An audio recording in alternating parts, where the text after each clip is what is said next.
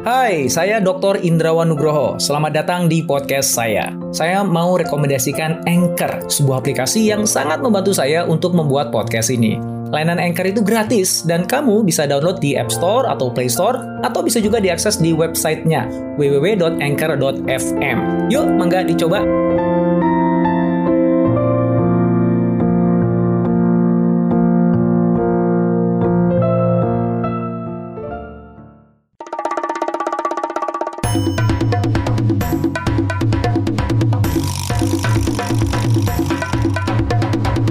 Kini Podcast Network.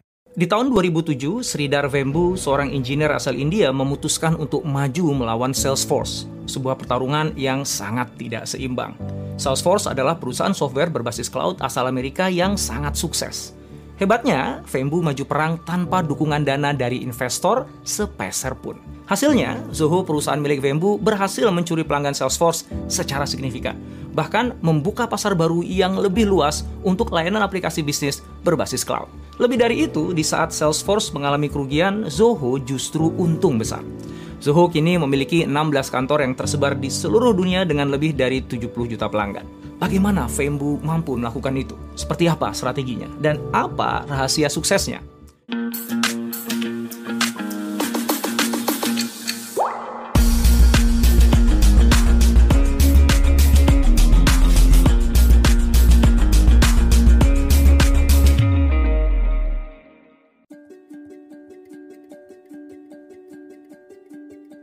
Sridhar Wembu menyelesaikan gelar PhD di Princeton University dan bergabung dengan divisi pengembangan produk Qualcomm pada tahun 1994. Dua tahun kemudian, ia bekerja sama dengan Tony Thomas, seorang ex-engineer AT&T Bell Labs, bersama saudaranya Kumar dan Sekar, dan dua teman lainnya untuk memulai AdventNet. Kantor mereka berada di Pleasanton, yang berjarak satu jam perjalanan dari Silicon Valley. AdventNet awalnya berfokus pada mengembangkan dan menjual network management tools ke perusahaan telekomunikasi. Pada awal 2001, AdventNet memulai operasi resminya di Jepang karena saat itu pasar Jepang sedang booming-boomingnya. Namun sayang, dotcom bubble pecah nggak lama setelah itu. Sektor terkait seperti telekomunikasi mengalami guncangan yang keras yang mengarah pada kebangkrutan. Ketergantungan AdventNet terhadap industri telekomunikasi membuatnya jadi rentan dan para founder pun harus berpikir ulang tentang strategi bisnisnya. Dalam rangka menghindari krisis serupa di masa depan, para founder memutuskan untuk membangun solusi perangkat lunak berkualitas tinggi untuk usaha kecil dan menengah dengan harga yang terjangkau. Data pada saat itu menunjukkan bahwa UKM menghabiskan sekitar 2-3% dari pendapatan mereka untuk investasi teknologi informasi. Dan AdventNet menginginkan bagian dari kue itu. AdventNet mulai berinvestasi dalam pengembangan perangkat lunak berbasis cloud dengan mengembangkan aplikasi pengolah kata yang kemudian berkembang mencakup email, spreadsheet, wiki, CRM, dan lain sebagainya. Pada tahun 2009, Sridhar dan para founder merasa bahwa nama AdventNet itu kurang keren. Apalagi untuk perusahaan yang terlibat dalam memecahkan masalah bisnis untuk perusahaan kecil dan menengah. Mereka suka dengan nama Soho, yang merupakan singkatan dari Small Office Home Office soho.com akan jadi nama yang ideal. Tapi sayang, nama domain itu sudah nggak lagi tersedia. Mereka akhirnya memutuskan untuk menggunakan zoho.com. Pada tahun 2014, basis pelanggan Zoho telah melampaui 10 juta pengguna, di mana 50% penggunanya berasal dari Amerika Serikat. Sementara 30% datang dari Inggris dan sisanya dari belahan dunia yang lain. Zoho dengan cepat mengembangkan beragam produk baru. Zoho meluncurkan rata-rata 4 produk baru setiap tahunnya. Pada awal 2007, Google meluncurkan G Suite, sebuah bundle aplikasi online untuk kantor yang berhadapan langsung dengan Zoho. Para founder sadar bahwa pertarungan langsung dengan raksasa mesin cari global di ruang aplikasi kolaborasi kantor bukanlah pertarungan yang mereka bisa menangkan. Oleh karena itu, Zoho memutuskan untuk pivot. Pindah ke layanan online untuk pengelolaan hubungan pelanggan atau CRM. Zoho memilih untuk bertarung melawan Salesforce, yang sebenarnya nggak juga mudah karena saat itu Salesforce sudah jadi jawara industri layanan CRM berbasis cloud di dunia. Lalu apa strategi yang digunakan Zoho untuk memenangkan pertempuran melawan Salesforce?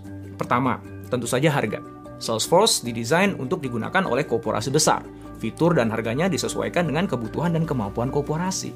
Zoho menghadirkan solusi untuk perusahaan kelas kecil dan menengah dengan harga yang disesuaikan dengan kemampuan finansial mereka. Strategi Zoho adalah terus membangun aplikasi online baru yang dapat digunakan secara gratis atau dibeli dalam skala besar dengan harga yang terjangkau.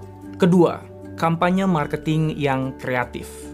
Pada pertengahan tahun 2010, Zoho memasang iklan billboard di bandara dan di jalan-jalan utama di sekitar San Francisco Bay Area dengan kata-kata CRM without the forced sale. Finally, CRM tanpa penjualan paksa. Akhirnya, iklan menyentil yang menggunakan font yang mirip dengan logo Salesforce itu secara tidak langsung menargetkan pelanggan salesforce.com. Billboard lain berbunyi, kode diskon Salesforce Anda, Zoho.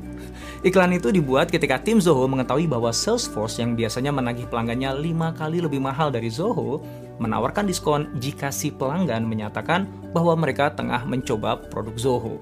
Ketika Salesforce mengalami kerugian pada tahun 2015, Zoho memasang iklan yang tampak seperti kartu simpati raksasa dengan pesan Salesforce yang terhormat. Sorry for your loss. Turut menyesal atas kerugian Anda. Itu merupakan cara berani Zoho dalam membuat pernyataan besar bahwa meskipun bisnis Zoho untung, pesaing terbesarnya itu tidak menghasilkan uang. Dengan melakukan perbandingan langsung antara Zoho dengan Salesforce, maka Zoho menciptakan kesan bahwa Zoho dan Salesforce berada dalam satu level yang sama. Bedanya, Zoho menawarkan harga yang lebih bersahabat. Singkatnya, Zoho menunggangi brand positioning Salesforce untuk mengangkat positioning dirinya di benak calon pelanggan. Nah, itu yang namanya cerdik. Ketiga, curi pelanggan dari kandangnya sendiri. Idenya sederhana. Kalau Zoho bisa membuat pelanggan Salesforce berpindah ke Zoho, maka itu akan menjadi bukti atas keunggulan Zoho atas Salesforce. Itu jelas menjadi proporsi nilai yang sangat tinggi bagi perusahaan kecil dan menengah yang masih menimbang-nimbang untuk menggunakan layanan Zoho. Pada tahun 2013, Zoho menyusupi event Dreamforce by Salesforce, sebuah acara tahunan CRM yang diselenggarakan oleh Salesforce. Zoho menyediakan becak dan truk makanan gratis dengan spanduk bertuliskan, Mari coba Zoho, Salesforce tidak perlu tahu. Secara efektif, Zoho menarik ratusan penggemar teknologi dan pengguna produk Salesforce yang datang ke event itu untuk mencoba beragam produk Zoho. Zoho juga secara reguler menggunakan konferensi analis untuk membangun pengaruh di antara basis pengguna dan juga menggunakan digital marketing untuk membuat pengguna baru mencoba gratis produk-produk Zoho dan upaya tersebut membuahkan hasil. Hingga pada akhir tahun 2015, Zoho memiliki lebih dari 15 juta pengguna, di mana 10 hingga 15% persen basis pengguna CRM-nya berasal langsung dari Salesforce. Tidak seperti perusahaan perangkat lunak lain yang tumbuh besar dengan cara mengakuisisi perusahaan atau produk lain untuk melengkapi portfolio produk atau layanan yang sudah ada, Zoho memilih untuk mengembangkan semua produk-produknya secara mandiri. Memang sih, nggak mudah bagi Zoho untuk melakukan akuisisi. Secara Zoho menjalankan bisnisnya dengan bootstrapping, alias tidak menggunakan dana investor sama sekali. Zoho bertumbuh secara organik dengan menginvestasikan kembali keuntungan yang diperoleh pengembangan produk dan juga untuk pertumbuhan usaha. Namun menurut saya, alasannya lebih dari itu. Hai, sebelum kita lanjut podcastnya, kamu sudah pernah dengar Anchor kan? Anchor adalah all-in-one podcast editing platform yang saya gunakan untuk rekaman, edit suara, tambah lagu, dan semua hal dalam pembuatan podcast yang sedang kamu dengerin ini. Anchor bisa membantu kamu bikin podcast kamu sendiri loh. Caranya gampang, tinggal download dari App Store atau Play Store, atau bisa juga diakses di www.anchor.fm. Download Anchor sekarang ya.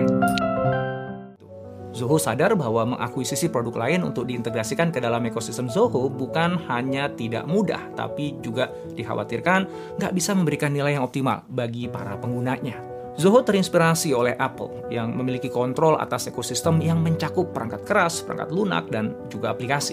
Kontrol tersebut memungkinkan Apple untuk memberi nilai lebih pada pelanggannya dalam bentuk peningkatan kinerja. Zoho berpandangan bahwa perangkat lunak untuk bisnis juga membutuhkan seamless integration yang serupa. Maka pada tahun 2017, Zoho mengumumkan peluncuran Zoho One, platform terpadu yang menghubungkan lebih dari 35 aplikasi Zoho ke dalam satu penawaran. Setahun kemudian, 12.000 perusahaan menggunakan layanan Zoho One di seluruh dunia. Dan selang hanya beberapa bulan saja, meningkat menjadi 20.000 perusahaan. Hampir 35% dari seluruh basis pelanggan Zoho telah berlangganan Zoho One. Zoho akhirnya dapat menyatukan semua aplikasinya menjadi platform operasi untuk bisnis dengan layanan pemasaran, dukungan pelanggan, akuntansi, SDM, produktivitas, kolaborasi, serta modul intelijen bisnis yang terintegrasi.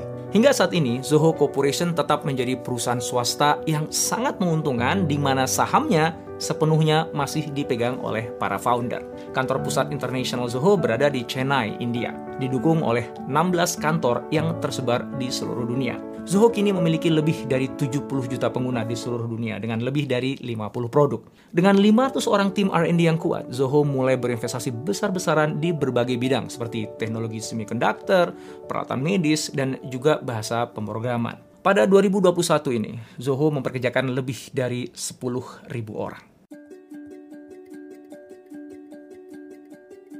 Ada lima hal yang membuat Zoho mampu bertumbuh secara fantastis di dalam industri yang tengah dikuasai oleh para raksasa teknologi. Pertama, Zoho memiliki CEO sekaligus founder visioner yang memiliki komitmen kuat untuk membesarkan bisnisnya. Manajemen awal Zoho memilih untuk menginvestasikan kembali semua pendapatan mereka untuk pengembangan produk daripada membayar gaji mereka sendiri. Baru pada tahun 1998 ketika penjualan melampaui 1 juta US dollar, mereka mulai menerima gaji. Pada tahun 2000, sebuah perusahaan kapitalis Ventura menawarkan dana segar sebesar 200 juta US dollar. Dan walaupun para founder senang dengan penawaran tersebut, mereka memutuskan untuk tidak menandatangani term sheet. Kenapa? Karena di dalamnya ada klausul yang mewajibkan Zoho untuk go public dalam waktu 8 tahun setelah penandatanganan perjanjian. Investor menginginkan exit untuk mencairkan keuntungan sementara para founder ingin terus membesarkan perusahaan. Kedua, Zoho fokus pada pasar yang tidak digarap oleh pemain lain dalam industri. Sementara pemain lain menggarap pasar korporasi yang berkantong tebal, Zoho memutuskan untuk menggarap pasar UKM. Zoho menemukan bahwa banyak pelaku UKM yang memerlukan dukungan layanan digital untuk menjalankan bisnisnya, namun mereka nggak bisa menjangkau harga dari solusi digital yang tersedia. Zoho juga menemukan bahwa kebutuhan atas layanan digital dari pelaku UKM ini bersifat generik, nggak spesifik per industri. Nah, itu dia. Zoho telah menemukan sebuah unmet needs dari pasar UKM yang mana ia memiliki kemampuan untuk memenuhinya. Yang ketiga, Zoho menerapkan frugal innovation, yaitu satu bentuk inovasi di mana kita memecah sebuah produk atau layanan menjadi komponen-komponen yang membentuknya. Kemudian, fokus hanya menghadirkan komponen yang esensial saja. Dengan begitu, produknya menjadi lebih sederhana dan biaya produksinya juga jadi lebih murah. Sehingga harga jualnya pun juga menjadi lebih terjangkau. Fitur-fitur yang dihadirkan oleh Zoho nggak sebanyak dan nggak sekompleks yang dimiliki oleh pesaingnya yang menyasar pasar korporasi. Tapi itu cukup untuk memenuhi kebutuhan para pelaku UKM yang jadi sasarannya. Yang menarik adalah, walaupun aplikasi-aplikasi yang dimiliki Zoho mungkin bukan yang terbaik dalam kategorinya, namun mereka saling terkoneksi dengan baik membentuk sebuah application system yang bisa diandalkan. Keempat, Zoho mensourcing kebutuhan programmernya secara mandiri dari dalam. Pada tahun 2005, Zoho mendirikan Zoho University, sebuah program 2 tahun yang 85% siswanya berasal dari keluarga yang hidup di bawah garis kemiskinan. Bukan hanya biaya kuliah digratiskan, siswa di kampus ini bahkan mendapatkan gaji dari Zoho. Siswa menghadiri kuliah biasa di pagi hari dan belajar coding di sore hari. Pada tahun 2018, Zoho University telah meluluskan 745 siswa, di mana 720 di antaranya kemudian bekerja di Zoho.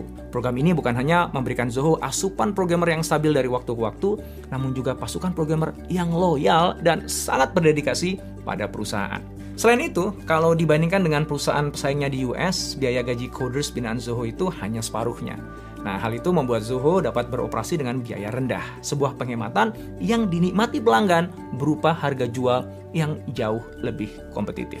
Kelima, Zoho berhasil menghilangkan pain point terbesar dari pelanggannya, yaitu mengoperasikan kumpulan aplikasi online yang tidak terhubung satu sama lain. Selain mendongkrak biaya operasional, aplikasi-aplikasi yang tidak terintegrasi itu menambah kompleksitas proses dan memberikan tambahan pekerjaan yang tidak perlu. Di tahun 2019, Deloitte menyebutkan bahwa mengurangi IT dan menyederhanakan arsitektur IT menjadi prioritas perusahaan untuk 12 bulan ke depan. Zoho One menyelesaikan masalah itu dengan sangat baik. Data dan proses dipusatkan pada sebuah platform tunggal. Operasi front office dan back office serta pengalaman pelanggan dan karyawan dibuat lebih sederhana. Platform Zoho juga lebih mudah digunakan, memungkinkan optimalisasi proses dan juga otomatisasi di seluruh aspek bisnis. Saya rasa pelajaran terbesar yang kita dapatkan dari kisah sukses Zoho ini adalah jangan terjebak pada mitos. Di dunia startup kita sering mendengar bahwa kalau mau tumbuh besar ya harus pakai dana investor. Vembu membuktikan sebaliknya. Komitmen dan kecintaan para founder atas apa yang sedang mereka bangun memiliki kontribusi yang lebih besar atas keberhasilan sebuah perusahaan dibandingkan dengan guyuran dana jutaan dolar yang disediakan oleh investor. Mitos yang kedua adalah pertumbuhan eksponensial hanya bisa terjadi dengan mengakuisisi perusahaan-perusahaan lain. Nah, sekali lagi, Vembu membuktikan sebaliknya. Zoho tidak mengakuisisi perusahaan atau produk mana pun. Zoho mengembangkan semuanya secara internal. Jika Anda mengenal pelanggan Anda dengan sangat baik, maka siapa yang bisa menyelesaikan masalah mereka dan memberikan nilai yang paling tinggi pada mereka selain diri Anda? Bagi saya pribadi, Vembu dan para founder Zoho mengingatkan saya untuk tidak menempatkan hal-hal di luar diri saya sebagai faktor penentu keberhasilan saya. Tanpa sadar kita sering ngeluh, nggak ada pemodal, nggak ada dukungan pemerintah, nggak punya partner yang tepat, timingnya nggak pas, ekonominya lagi resu, dan masih banyak lagi. Vembu dan para founder Zoho mengingatkan kita bahwa semua yang kita butuhkan untuk sukses sudah tersedia di dalam diri kita sendiri.